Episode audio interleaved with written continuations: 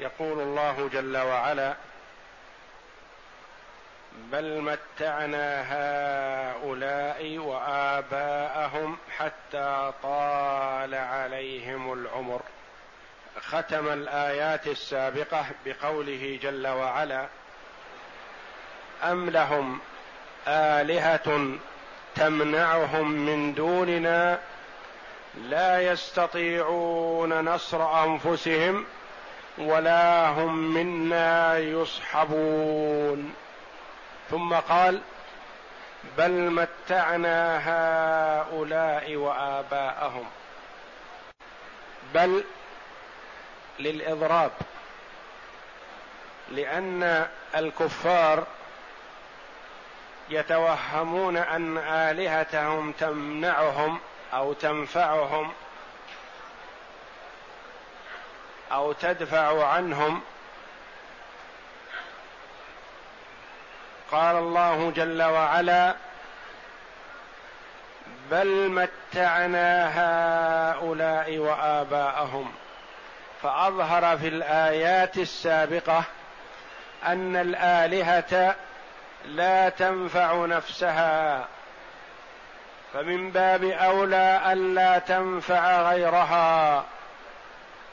وإنما جرأهم جرأ الكفار على ما هم فيه ما أنعم الله جل وعلا به عليهم من المتاع الحسن. بل متعنا هؤلاء أي الكفار أنعمنا عليهم بمتع الحياة الدنيا وقد أنعمنا من قبل على آبائهم فهم وآباؤهم يتقلبون في النعيم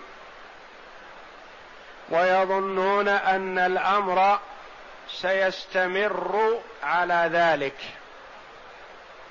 بل متعنا هؤلاء وآباءهم والمتاع في الدنيا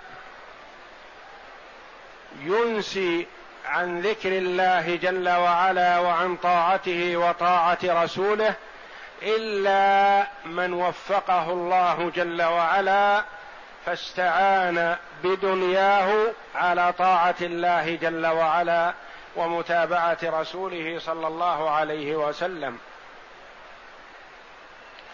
حتى طال عليهم العمر متعناهم حتى استمروا ومتعوا في دنياهم زمنا طويلا.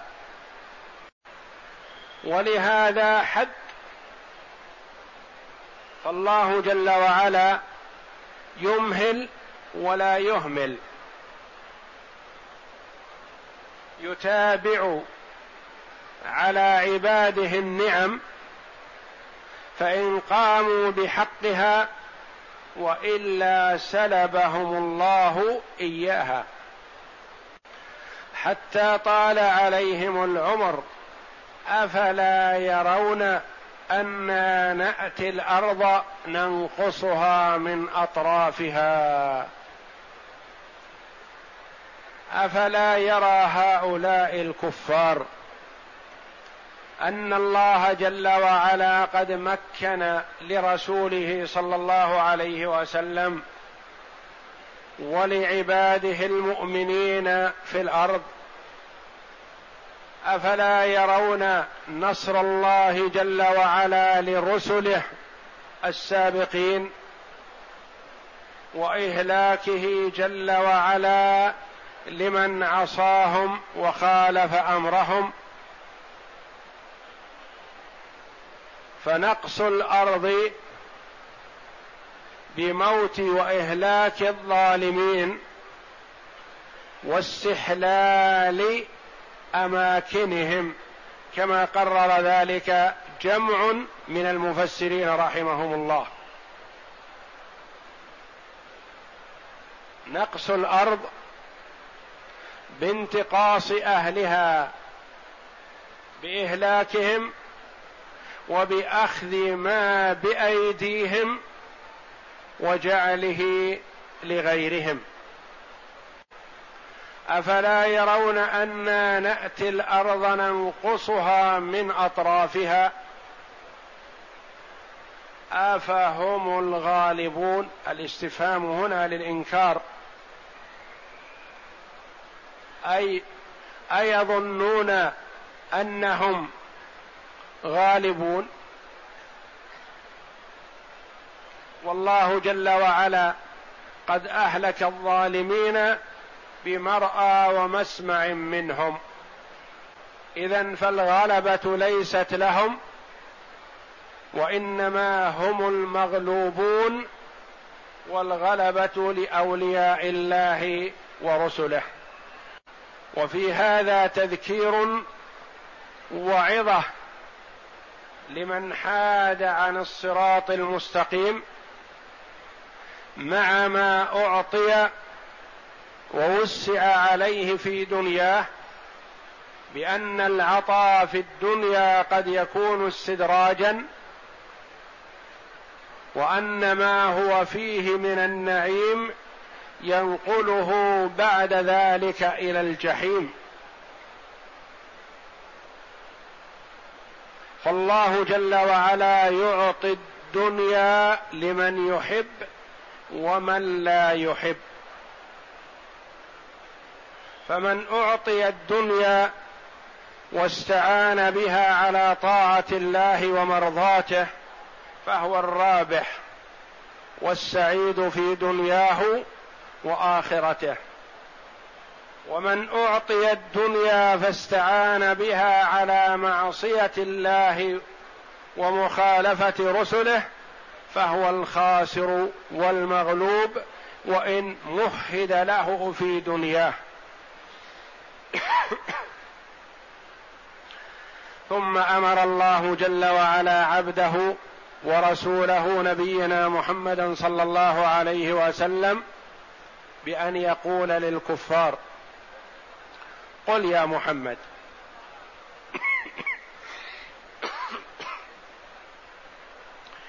إنما أنذركم بالوحي. أنا أنذركم وأخوفكم وأعظكم بما جاءني من الله جل وعلا. أنذركم بالوحي. فهو عليه الصلاة والسلام من صفاته أنه البشير النذير. يبشر من أطاعه بالجنه وينذر من عصاه بالنار. قل إنما أنذركم بماذا؟ بالوحي بالقرآن بما ورد عن الله جل وعلا. والوحي يدخل القلوب التي أراد الله لها الخير. فتثمر خيرا فهو بمنزلة الحياة للقلوب. فمن أراد الله جل وعلا إحياءه بالقرآن استمع له وأخذ به وآمن به واستفاد منه. ومن لم يرد الله هدايته فالقرآن لا يفيده. كالمطر ينزل على كالمطر ينزل على الأراضي ارضا تنبت الخير الكثير. وارضا سبخة. لا تنبت كلا ولا تمسك ماء فلا فائدة فيها. وهكذا القلوب. فمن أراد الله جل وعلا له الخير والتوفيق استفاد من القرآن واستمع له وعمل به. ومن لم يرد الله به خيرا لم يستمع. وإن استمع فلا يستفيد من سماعه. قل إنما أنذركم بالوحي ولا يسمع الصم الدعاء إذا ما ينذرون. الوحي يسمعه من أراد الله جل وعلا به خيرا. وأما من قلبه مقفل فلو سمع ما استفاد من سماعه. فالأصم مهما تناديه لا يسمع. فأقد السمع مهما تصرخ حوله لا يسمع. وكذلك الكافر مهما ينادى ويذكر ويذكر ويرغب ويخوف لا يستفيد شيئا. ولا يسمع الصم فاعل يسمع. الدعاء مفعول. إذا ما ينذرون إذا أنذروا وخوفوا ما يسمعون. وإنما الذي يسمع من له سمع وعقل يدرك به وأراد الله جل وعلا له خيرا. ثم بين جل وعلا أن هؤلاء الكفار مع قوة بأسهم وبطشهم وعنادهم ومكابرتهم لو أتاهم قليل من العذاب لصاروا يدعون على أنفسهم بالويل واعترفوا بظلمهم وعنادهم. لكن هيهات. لا ينفع الاعتراف في ذلك الوقت. يقول الله جل وعلا ولئن مستهم نفحة من عذاب ربك. نفحة. نفحة يسيرة. مسة يسيرة. قليل من العذاب. ليقولن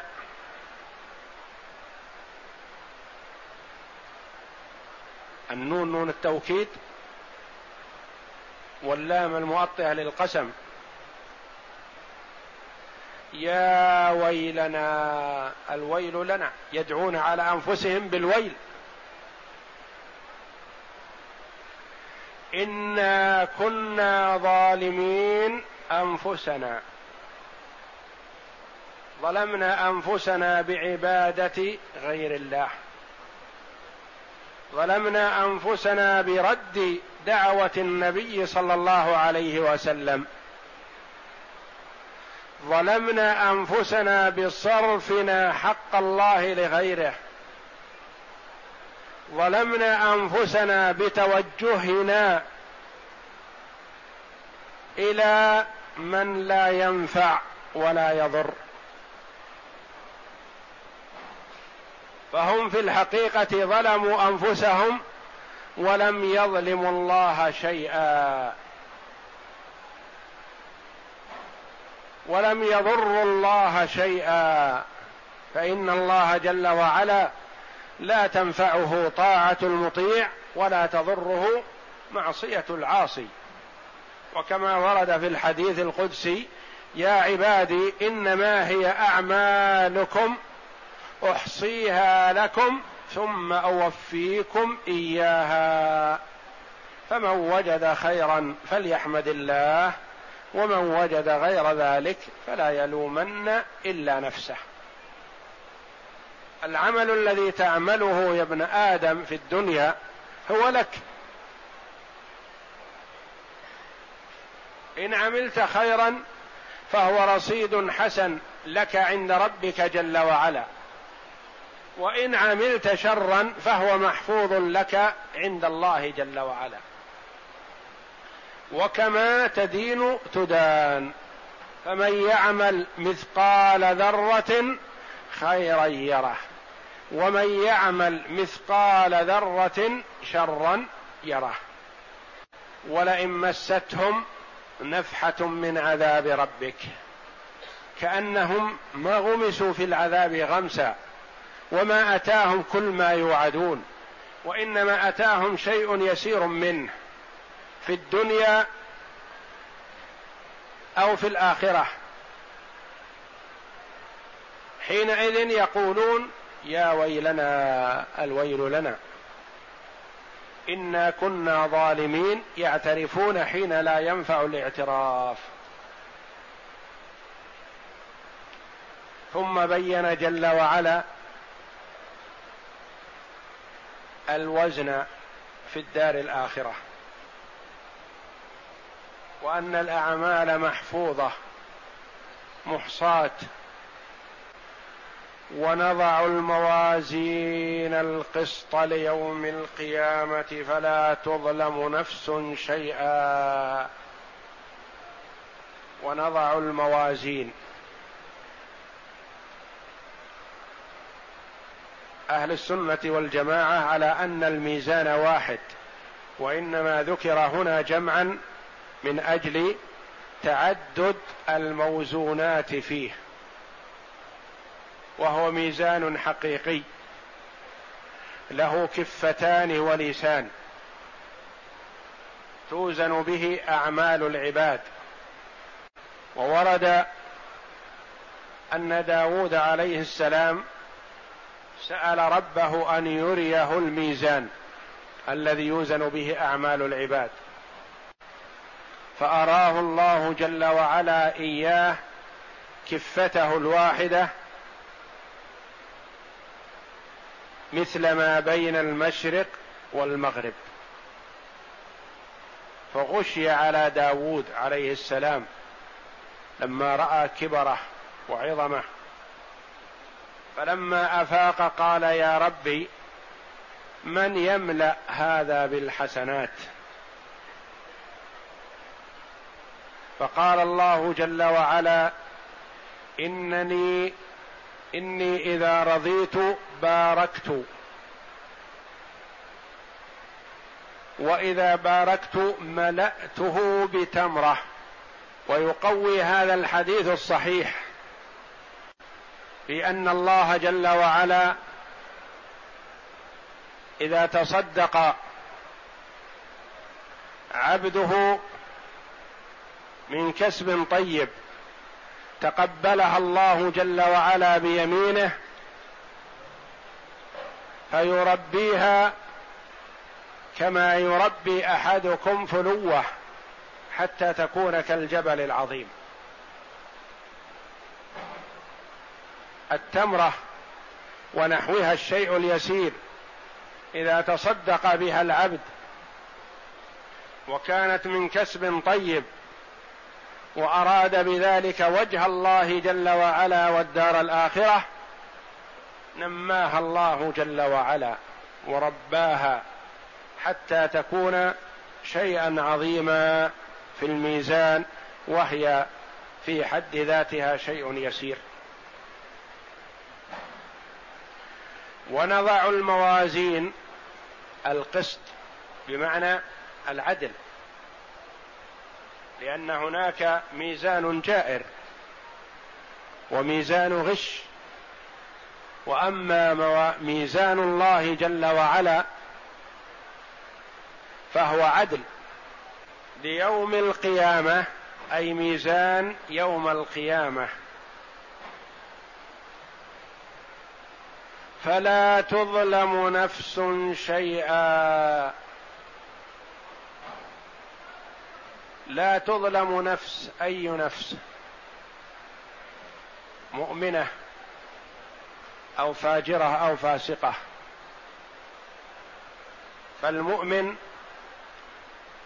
لا ينقص من حسناته والفاجر لا يزاد في سيئاته.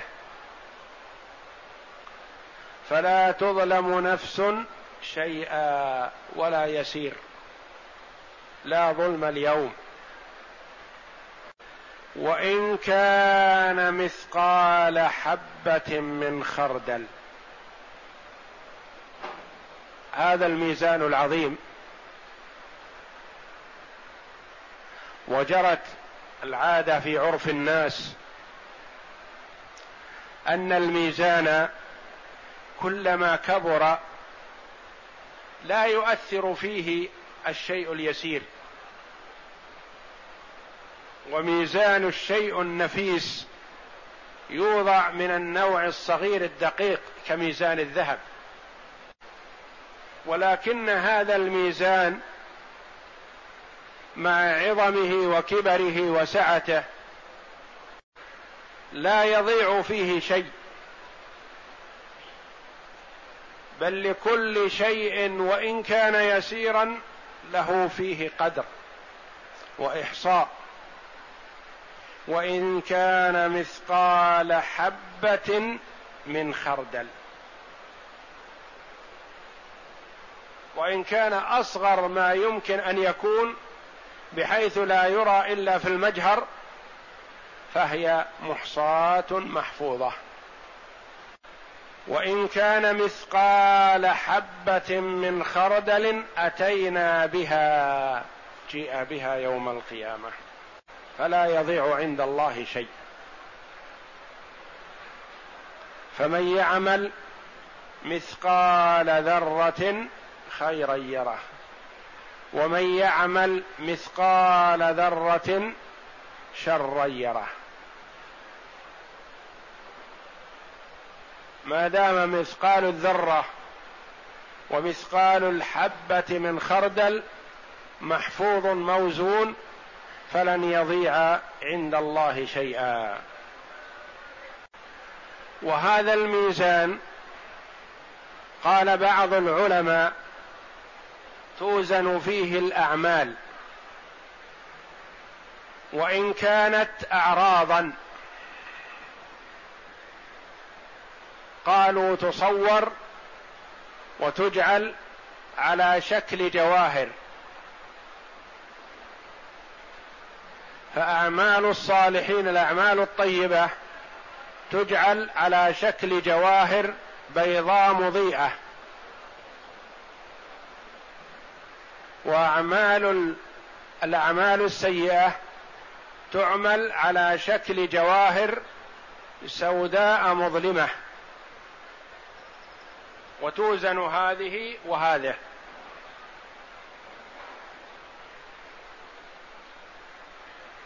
قال بعضهم بل توزن صحائف الأعمال. فالأعمال مسجلة بصحائف بحسب قدرها وبحسب ما سجل فيها. يكون وزنها بحسب ما سجل فيها. ويقوي هذا الحديث الصحيح بقوله صلى الله عليه وسلم إن الله سيخلص رجلا من أمتي يؤتى به يوم القيامة فينشر له تسعة وتسعين سجلا. كل سجل مد البصر من أعماله السيئة. فيقال له أتنكر من هذا شيئا؟ فيقول لا يا ربي. أظل يقال له أظلمتك كتبتي؟ فيقول لا يا ربي. فيقال له آلك حسنة؟ فيبهت الرجل. يبهت لما رأى من عظم سيئاته وكثرتها.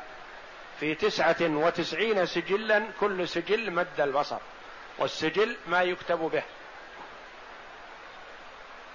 الدفاتر الكبار. فيقول لا لا يا ربي ما لي شيء. فيقال له بلى إنك لا تظلم. عندنا لك شيء. فيؤتى ببطاقة. كتب فيها شهادته أن لا إله إلا الله وأن محمدا رسول الله. فيقول يا ربي وما هذه البطاقة؟ بجانب هذه السجلات. لا داعي للوزن. كأنه يقول لا داعي للوزن. لا توزن هذه البطاقة بهذه السجلات. فيقال له إنك لا تظلم. فتوضع السجلات في كفة وشهادة أن لا إله إلا الله وأن محمدا رسول الله بطاقة في ورقة صغيرة قليلة كالبطاقة التي تجعل على الحاجة التي تباع فيها قيمة المبيع كما قال العلماء رحمهم الله. وتوضع البطاقة في كفة يقول صلى الله عليه وسلم فطاشت السجلات وثقلت البطاقة. لانها اشتملت على شيء شيء عظيم. اشتملت على شهادة أن لا إله إلا الله وأن محمدا رسول الله. ولا يثقل أمام شهادة أن لا إله إلا الله شيء. فهذا الحديث دل على أنها توضع في الميزان صحائف الأعمال لأن أعمال العباد مسجلة فالكتبة على اليمين وعن الشمال كما قال الله جل وعلا عن اليمين وعن الشمال قعيد ما يلفظ من قول إلا لديه رقيب عتيد. فتسجل أعمال العباد وتوزن يوم القيامة.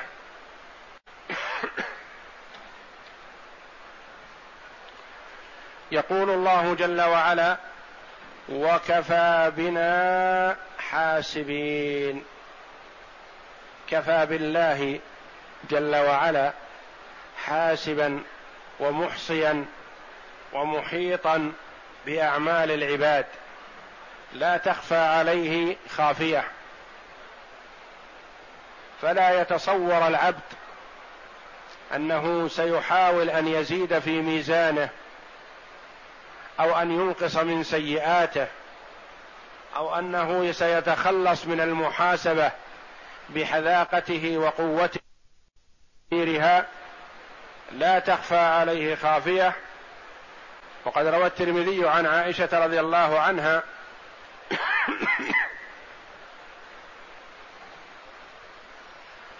قالت جاء رجل إلى النبي صلى الله عليه وسلم فقال يا رسول الله إن لي مملوكين يكذبونني ويخونونني ويعصونني وأضربهم وأشتمهم فكيف أنا منهم؟ هل الحق لي أو علي؟ بهذا العمل؟ فقال له رسول الله صلى الله عليه وسلم يحسب ما خانوك وعصوك وكذبوك.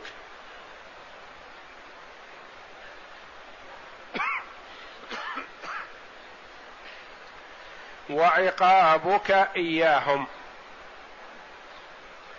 فإن كان عقابك إياهم دون ذنوبهم كان فضلا لك. وإن كان عقابك إياهم بقدر ذنوبهم كان كفافا لا عليك ولا لك. وإن كان عقابك إياهم فوق ذنوبهم اقتص لهم منك الفضل. فجعل الرجل يبكي ويهتف. فقال رسول الله صلى الله عليه وسلم أما تقرأ كتاب الله ونضع الموازين القسط ليوم القيامة فلا تظلم نفس شيئا وإن كان مثقال حبة من خردل أتينا بها وكفى بنا حاسبين. فقال له الرجل يا رسول الله ما أجد لي ولهم خيرا من مفارقتهم. أشهدك أنهم أحرار. والحديث الآخر الذي قال فيه النبي صلى الله عليه وسلم إنه لا يقتص للشاة الجماء من ذات القر فالمؤمن يجعل هذه الأحاديث نصب عينيه ولا يظلم صغيرا ولا كبيرا لا خادما ولا ولدا ولا جارا ولا قريبا ولا بعيدا. لأنك إن ظلمته في الدنيا فلم يستطع أن يأخذ مظلمته اقتص منك يوم القيامة. فالعبيد يقتص لهم من مواليهم والأسياد يقتص لهم من عبيدهم والوالد يقتص له من ولده والولد والولد يقتص له من والده وهكذا. فليحذر المؤمن ذلك. وليتحلل من مظالم العباد في الدار الآخرة. قبل أن لا يكون دينار ولا درهم. فإن كان للمرء حسنات أخذ من سيئاته لمن ظلمهم. فإن نفدت حسناته ولم يقضى ما عليه أخذ من سيئاتهم فحملت عليه فطرح في النار والعياذ بالله. والله جل وعلا محاسب العباد ووازن أعمالهم بميزان دقيق يزن الشيء اليسير. ولا ظلم في ذلك اليوم. قد يقول قائل إن الله جل وعلا قال في سورة الكهف في حق الكفار فلا نقيم لهم يوم القيامة وزنا. وقال جل, جل وعلا هنا ونضع الموازين القسط ليوم القيامة فلا تظلم نفس شيئا. نفس أي نفس؟ كافرة أو مؤمنة. يقال نعم وزن الأعمال لمن له حسنات وسيئات. توزن هذه بهذا. فإن غلبت حسناته فاز وإن غلبت سيئاته شقي. وأما الكافر فلا حسنات له توزن لأن الله جل وعلا قال وقدمنا إلى ما عملوا من عمل فجعلناه هباء منثورا. قد يقول قائل إن الكافر قد يصدر منه حسنات يثاب عليها من إحسان إلى الغير أو حسن معاملة أو نفع للمسلمين مع كفره. يقال نعم يحصل ذلك ولكن الله جل وعلا يثيبه على هذه الأعمال في الدنيا بما ينعم عليه من المال والجاه والصحة والمال والولد وغير ذلك من نعم الدنيا. يوفيها الله جل وعلا يوفيه مقابل أعماله الحسنة في دنياه. فحسناته يثاب عليها في الدنيا ولا ثواب له عليها في الآخرة. لأنه ما قصد وجه الله جل وعلا بذلك. فأعمال الكافر الحسنة في الدنيا يثاب عليها في دنياه. وأعمال المؤمن الحسنة يثاب عليها في الدنيا والآخرة. فضلا من الله وإحسان. الذي يوزن عمله من له حسنات وسيئات. وأما الكافر فلا حسنات له توزن وإنما يؤمر به إلى النار. والله أعلم وصلى الله وسلم وبارك على عبد ورسول نبينا محمد وعلى آله وصحبه أجمعين.